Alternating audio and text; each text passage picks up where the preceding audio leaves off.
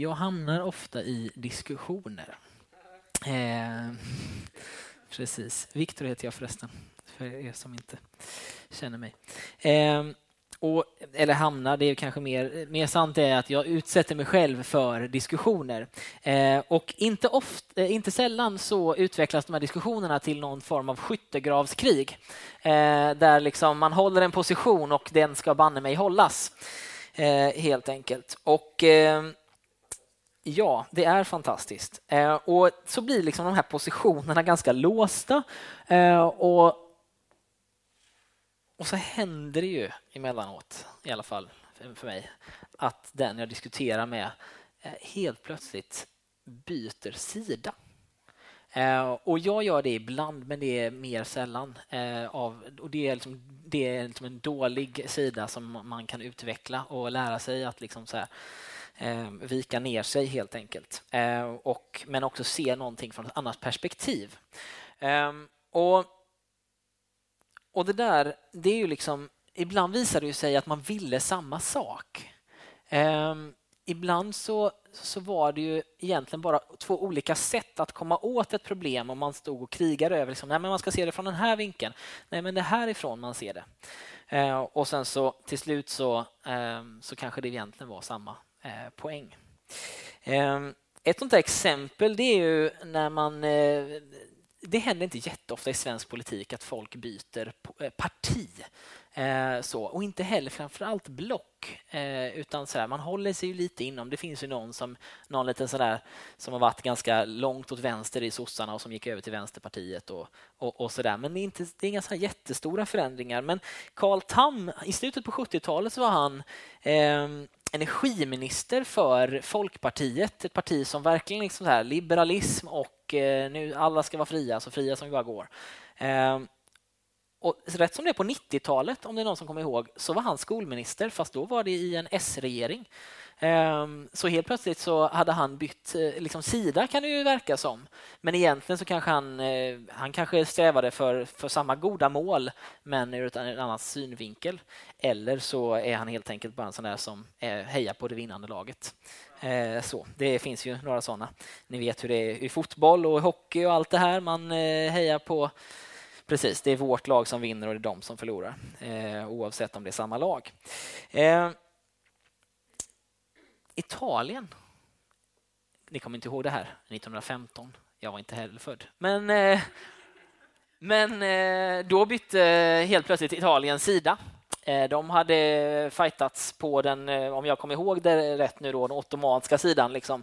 Men i alla fall den som förlorade. Och de ställde sig till slut på vinnarnas sida och eh, fightade liksom med britterna och de andra eh, till slut.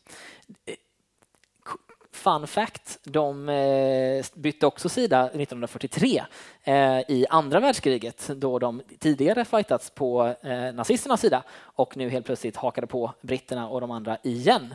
Eh, och återigen så stod de på den vinnande sidan. Så att eh, smart drag kan man säga att ställa sig på den vinnande sidan. så. Eh, idag så ska vi prata lite om eh, Gud med oss. Eh, Linda pratade lite om att Gud kommer till oss och hur Gud blir människa och de här bitarna och förra veckan. Och eh, nu ska vi prata lite grann om eh, att Gud är med oss. Och eh, texten som vi läser den är från Matteus evangelium, första kapitel, 22 och 23 versen. Och jag läser ur The Message på svenska. På det sättet blev det verklighet som profeten hade anat i sin predikan. Håll utkik efter tecknet. En jungfru blir född med barn, blir med barn och får en son. Det kommer kalla honom Immanuel, Gud är med oss på hebreiska. Den här texten är hämtad från Jesaja 7 och eh, 14 och där står det att då ska Herren själv ge er ett tecken. Den unga kvinnan är havande och ska föda en son och hon ska ge honom namnet Immanuel, Gud med oss. Eh, och eh, lite så här snabb hebreiska lektion så betyder El, det är ett sånt här gudsnamn i, i Bibeln och eh, det uppkommer massa andra gånger, typ så El Shaddai och El, massa annat El helt enkelt. Eh, det låter lite som spanska men, eh, men hur som helst, det, där är, det är därifrån det kommer och det betyder, det här namnet Immanuel, det betyder Gud är med oss och när vi läser Bibelns texter så är det inte så ofta det här dyker upp. Eh, om vi ska vara riktigt, riktigt precisa så har vi precis läst de två texterna som eh, det här namnet Immanuel finns med och liksom när det betecknar eh, Gud och Guds son och det här. Utan det är ungefär så mycket som finns. Och då blir man lite så här, jaha men finns det inte mer? Liksom? Jo, men det är klart att det finns ju mycket mer som berättar om att Gud är med oss.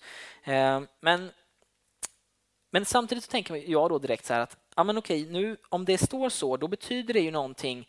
Eh, och Matteus vill ju säga någonting med det, för att Matteus kunde ju, skulle kunna ta till med mycket, mycket mer. Han hade mycket mer material att skriva in om han skulle vill, velat det.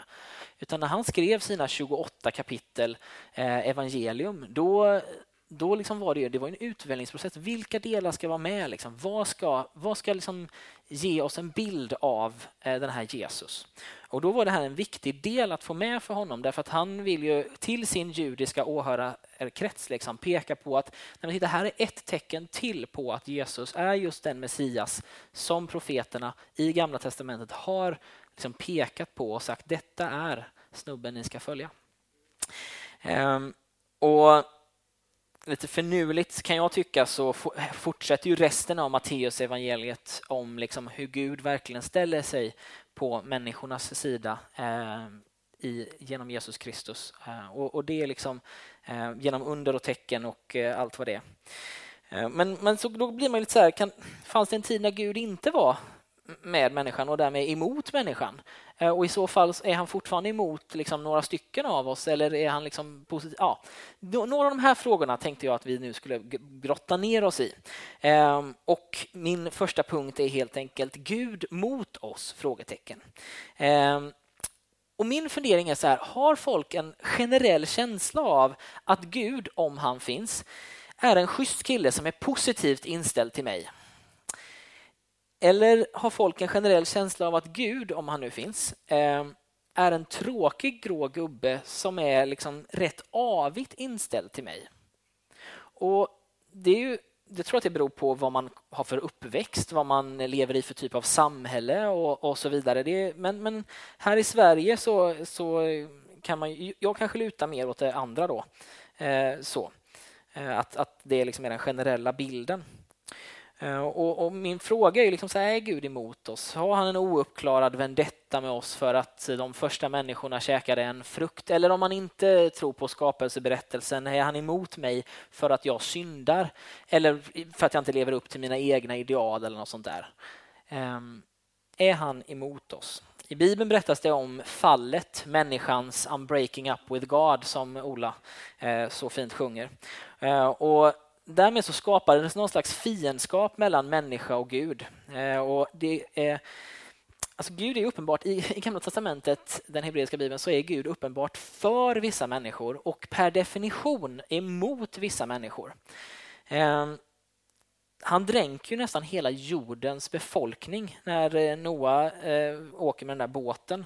Och ehm, Sen så för, för han sitt, liksom sitt utvalda folk Israel ut ur Egypten och då så är farao, han får utstå en massa eh, smärta och sådär och det egyptiska folket råkar rätt så illa ut på grund av att Israel ska liksom bli fritt från Egypten. Och eh, han låter ju liksom det israeliska folket återinta Palestina eh, och, och, det är ju liksom inte alla som det går väl i den här. Alltså det är ju verkligen så. Det, uppmaningen är ju mer typ så här förinta allt som kommer i er väg. Det är liksom någon slags maskin av liksom, eh, ja, det, det, är ganska liksom på något sätt ganska grymt. Eh, så.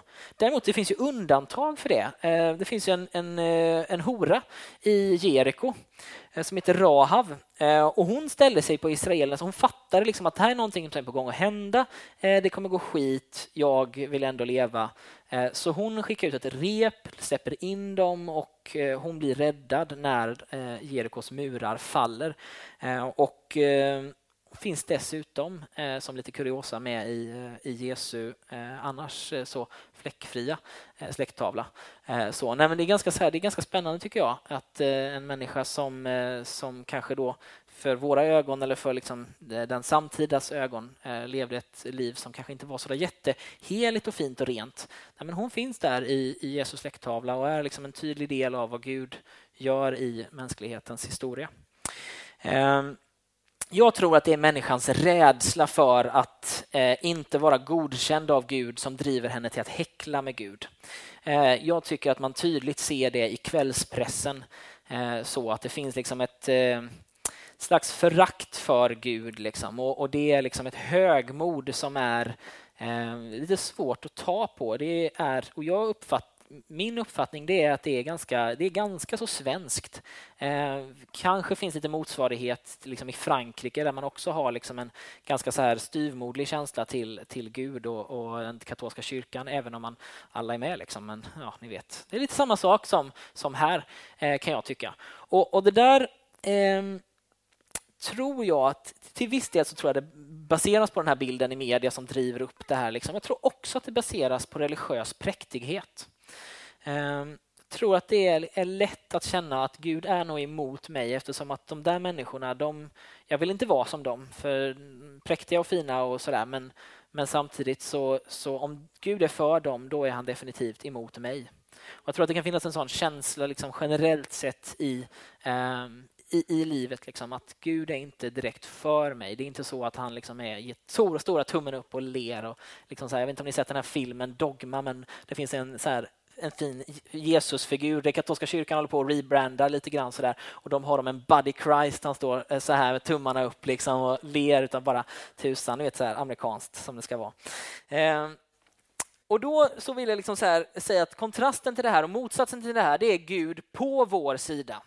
Eh, tänk Stefan Löfven, en hyvens kille.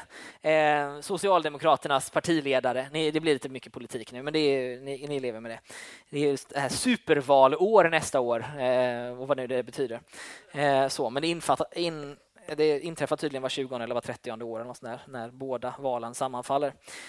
Löfven i alla fall, han, han presenteras i media som en ganska hyvens kille och han får rätt bra eh, omdömen just nu. Han eh, Alltså ska man jämföra Fredrik Reinfeldt, han har varit o... Liksom, det är ingen som har kunnat mätas med honom. Han har haft så här approval ratings uppe på 70-73 procent. Liksom.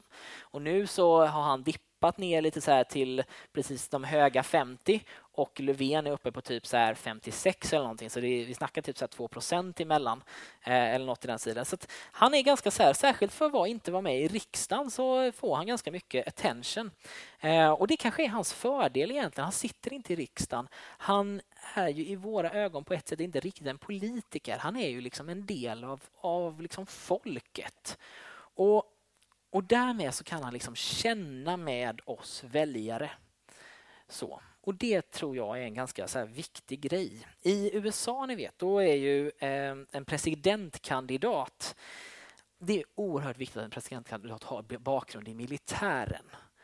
Och varför är det? Jo, men det är ju för att eh, presidenten blir ju, om, om han presidentkandidat blir vald, då blir han ju president och därmed commander in chief, överbefälhavare.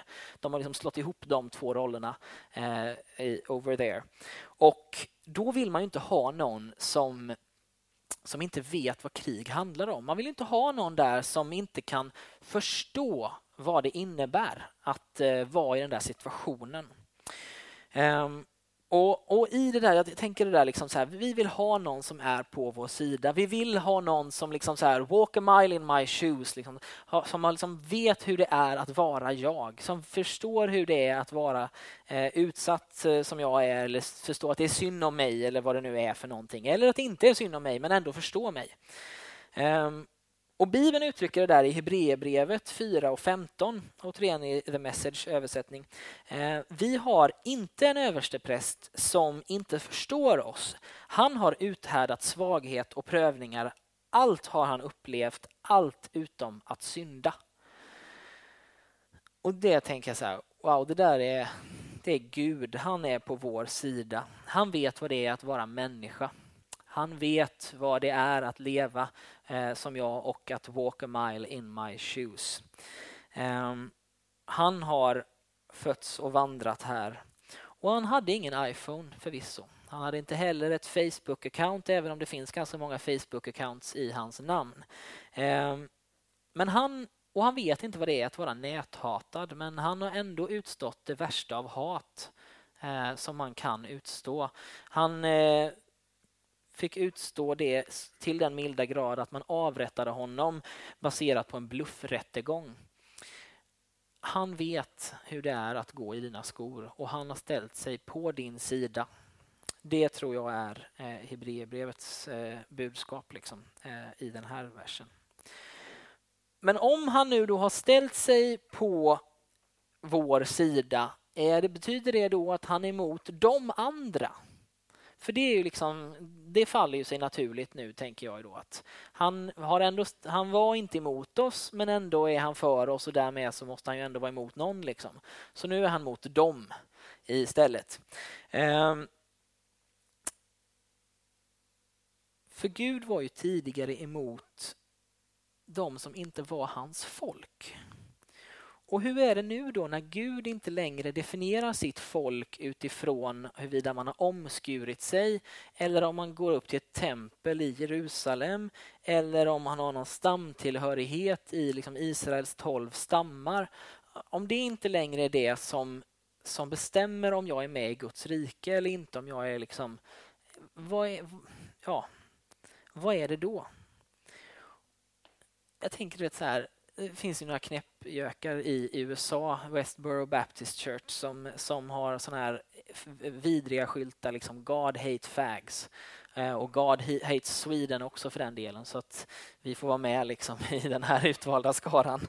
Eh, så. Men hata Gud eh, människan, hata Gud den som aborterar foster eller den som skiljer sig från sin man eller den som dricker eller den som röker eller den som är homosexuell för den delen. Liksom, hatar Gud Eh, är, det, är det det som är liksom de andra? Det är, det är en bra fråga. Och Jag tycker att det är klart genom hela Bibeln att Gud hatar ingen människa. Gud älskar människor. Och Det bör vara uppenbart tycker jag när han låter sin son dö för hela mänskligheten. Och liksom, hela Nya testamentet är smockfullt med bevis för att Gud älskar, att Gud utger sitt eget liv för mänskligheten och kliver ner, lämnar all sin värdighet i himmelen och alla de här liksom texterna som finns i Nya testamentet som verkligen beskriver att Gud har gett sitt allt för människor och älskar dem och hatar dem inte. Um.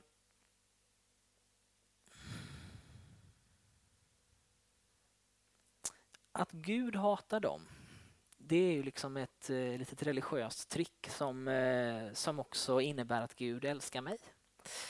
Sådär, det är gammalt som, eh, ungefär lika gammalt som religionen i sig. Jag har rätt, de har fel. Eh, och Jesus mötte en massa fariseer och eh, stockholmarna de möter mig istället, helt enkelt. Eh, och full av religiöst nonsens som jag är så är det. Liksom jag är, tycker att jag är bättre eftersom att jag inte kissar i blöjan längre ungefär. Det är ju liksom på den nivån vi leker. Det är ju liksom, vi har bestämt oss för att vi är lite bättre ändå. Eh, sådär. Det är rackan mig. Det finns massa människor som inte kan, men eh, jag kan missan och nu ska vi visa hur vad skåpet ska stå. Och den där, eh, den där självrättfärdiggörelsen förhoppningen om att behaga Gud på sin egen väg, på sitt eget sätt. Liksom, det är så nära kopplat till religion ibland att vi inte ser skillnaden. Vi tror att liksom, att vara religiös, att ha en relation till Gud, det är det, det är det det innebär. Det innebär att bli lite bättre, att vara lite duktigare, att dra sig lite mer i nackhåret så att man liksom står upp rakt och inte liksom kissar i blöjan. Ehm, jag såg en film i jul, eh, The Butler. Eh, den handlar om en afroamerikansk kille som ser sin pappa bli skjuten på ett bomullsfält. Ehm, han blir upplärd till butler eh, och börjar jobba i Vita huset. Och filmen beskriver den här oerhörda smärtan som USAs afroamerikanska befolkning har fått gå igenom och kampen för rättvisa på så många olika plan allt från liksom hans egen son som, som kämpar liksom med Freedom Riders och, och liksom hela den fantastiska rörelsen kring, kring Martin Luther King och det som liksom, eh, sådär. Och till han själv som står liksom inför sin chef och säger jag tycker att det ändå är lite opassande att vita eh, får mer lön än vad jag får när vi gör samma arbetsuppgifter. Ehm, det är givetvis samma fight som vi genomför i, i, idag liksom, när kvinnor ställer sig framför sin chef och säger jag tycker att det är opassande att jag har en sämre lön för att jag är kvinna. Och så där liksom. Men det är, det, är en, det är precis den där, den där typen av orättvisor som kommer ur det här vi och dem. Liksom, som, och som är grunden till det här Gud är nog ändå emot de andra. Det här vi och dem det leder, leder till kolonialisering kolonialisering heter det va? av Afrika. Det leder till folkmord i Rwanda och det leder till segregation i Stockholms utkanter och det leder till bränder i Husby. Och motmedlet, det såg vi förra veckan. Det var ju väldigt fint. Om jag inte har förstått hela fel så var eh, Daniel och Linda där och liksom eh, ja, Nej, men på något sätt så, så... Ja, ni bor där, precis. Ni bor där i närheten. Liksom. Och det, det fanns någonting eh, där i alla fall. Jag blir i alla fall väldigt stolt när tiotusentals människor eh, show up liksom, för att visa och säga så här. Det finns inte det där vi och dem som ni pratar om. Det är påhittat. Vårt blod är rött. Det är liksom inte så himla stor skillnad på oss. Eh, och det blir liksom hela den här eh, min pizza kommer inte, är inte svensk och min demokrati är inte svensk den heller. Eh, och det är liksom när vi lär oss det där och börjar inse att vi, ett, ett, viet är större än domet. Liksom. Och det här, det här dom, det är liksom bara rädsla som uttrycker sig, som kommer ut. Och egentligen så måste vi börja inse att det finns ett vi som är större än så där. Och vi måste annars, så, annars inse att jag är en av dem. Och, och, och domet är därmed liksom utagerat. Det är klart att vi har olikheter. Vi delar upp världen på massa olika sätt. Det är klart att vi ser världen på olika sätt. Det är klart att jag och mina, mina polare nere i Etiopien som, som jag känner väl, vi har ju liksom oerhört olika syn på världen och hur den fungerar. Och mina kompisar i Texas, vi ser också väldigt olika på världen. Det, det ska man ju verkligen säga. Eh, så. Men det gör ju liksom inte att vi har bestämt oss för att utkämpa krig mot varandra utan vi berikas ju av varandras olikheter istället.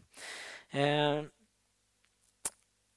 och Det jag vill säga här det är att det finns inga såna fina religiösa mönster som skiljer dig från andra människor. Jesus blev människa för din skull och för alla andras skull. Du förtjänar honom inte mer än någon annan. In fact, du förtjänar inte honom alls. Och det är det som är sanningen. Att du är i samma desperata behov av Jesus som alla andra människor på det här klotet. Och Det är för att du är en stor fet syndare som är i djupt behov av nåd. Och Insikten om det, det är det bästa botemedlet på det här vi-dom-syndromet och missuppfattningen om att Gud har ställt sig på vår sida och är emot de andra. Därför så vill jag säga att Gud är med oss, Immanuel. Ehm, det är av denna anledning som Gud blev människa, för att vandra en mil i våra skor. Ehm, han blev Gud bland oss, en Gud som flyttar in i kvarteret där vi bor, som vi har pratat om under hösten. Ehm, en Gud som inkarneras, det är dagens fina ord, blir kött antar kötslig natur, att Gud föds in i den här världen som människa. Eh, och det säger så oerhört mycket om den här gudens karaktär jag tänker att det triggar ju oss, någonting i oss när påven, har ni, har ni sett det? Vi har, vi har ju en ny påve, han är ju, liksom, han är ju lite speciell sådär. Han har ju inte en guldtron utan han har ju valt liksom en, en kalkstenstron. Liksom. En jätteenkel, plain, inget konstigt, inga liksom krusiduller, väldigt enkelt. Han åker ju lokalbuss, liksom. han åker ju inte alltid den här liksom limon med de här glasgrejerna och allt som de förre snubben hade utan, utan han, han åker ju lokalbuss och så, och så, så bor han på hostel och ni vet och sådär och håller så små fina andakter och så åker han ut. Och, ja, vet, han är ju han är ju en hyvens kille och bra mycket bättre än så. Och ska man vara riktigt, riktigt ärlig så är han ju faktiskt, alltså från mitt perspektiv, en fantastisk liksom, förebild eh, i sitt sätt att liksom, hantera sitt ämbete. Eh, det är ja, verkligen stort. Ja, vi, vi diggar det, tror jag. Ehm, vi gillar ju också så här Ingmar Kamprad, ni vet. För han, åtminstone när vi ser på så kör han ju en gammal Volvo. Liksom. Även om han sen smiter runt hörnet och, och sätter sig liksom på, eh, på liksom en limousin eller sådär. Eller även om han kliver på liksom, eh, den här liksom, flygbussen ut till Arlanda så att han, han går, går ut där bak. och sen, så Men han, han gör ju det. Liksom. Det är viktigt. Liksom, appearances. Det är rackarn med viktigt. Eh, och vi gillar ju det eftersom att vi vet att han förstår oss då. Vi påven, han är ju en av oss liksom. Och Kamprad, han är van med en av oss liksom. Han vet hur det är att vara svensk och han har nog Ikea-möbler överallt hemma. Eller hur det nu är. Eh, han är ju på vår sida, han är med oss. Det är liksom den generella känslan. Och Gud han har vandrat omkring i Jesus Kristus eh, så att alltså, inte med den baktanken om att bygga sitt eget varumärke eller att liksom visa sig vara en stor fet förebild. Liksom. Utan han gör det av ren kärlek och tillgivenhet till mänskligheten. Hans liv här på jorden det, det börjar på ett stallgolv och det fortsätter bland arbetare och ekobrottslingar och callgirls. Och han dör efter en blixträttegång som får Guantanamo att likna en liten hotellvistelse. Och då skulle jag vilja kolla bara på så här avsnittet på en liten sån här sektion. Så här, ett så här litet fönster in. Vad, vad, vad innebar hans liv? Liksom? Hur funkar det? Låt oss, låt oss eh, återvända till Matteus evangeliet men hoppa fram några eh, kapitel till eh, det nionde kapitlet, vers 10 till 13. Eh, Senare åt Jesus kvällsmat hemma hos Matteus med sina närmaste anhängare.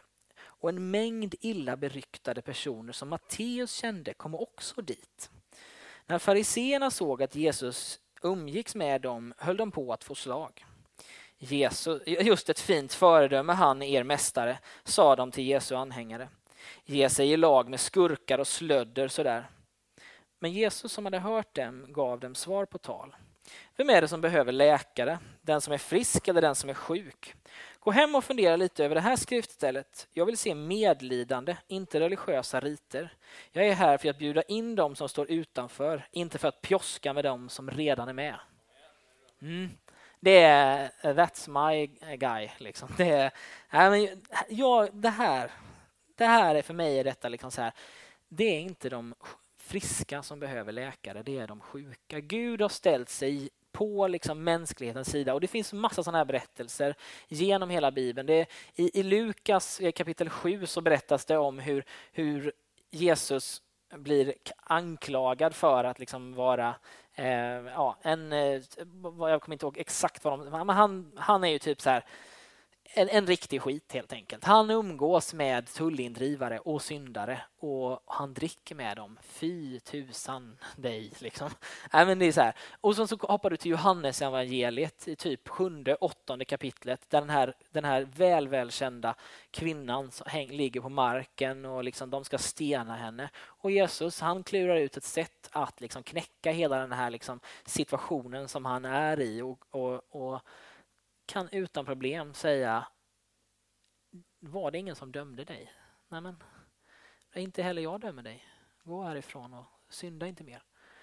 Alltså det, aldrig, saknas aldrig sanning, det finns alltid där. Men nåden är så oerhört stark, den är så oerhört tydligt. Jag har ställt mig på mänsklighetens sida. Jag har ställt mig på de svaga sida. Och när ni tittar i Gamla testamentet så är det det ni ser också. Gud utväljer ett litet skitfolk som är slavar. Han utväljer en, en liten grabb nästan som är, är i det kaldeiska ur. Abraham hette han sedermera. Han utväljer nästan alltid de som är lillebror, som är utan arv. Och nästan oavkortat så ger han, ger han sig i lag med kvinnor som är ofruktsamma, som inte kan få barn. Det upprepas gång på gång på gång. Gud ställer sig på mänsklighetens sida, på på vår sida med oss. Eh, och det är det han gör genom eh, Jesus. Jag skulle avslutningsvis vilja reflektera lite över ett, eh, ett citat från den stora reformatorn Martin Luther. Eh, så här, så här skriver han. Rättfärdiggörelse genom tro frigör mig att älska min granne utan baktanke. För hans eller hennes egen skull som min bror eller syster, inte som ett beräknat medel för mina egna mål.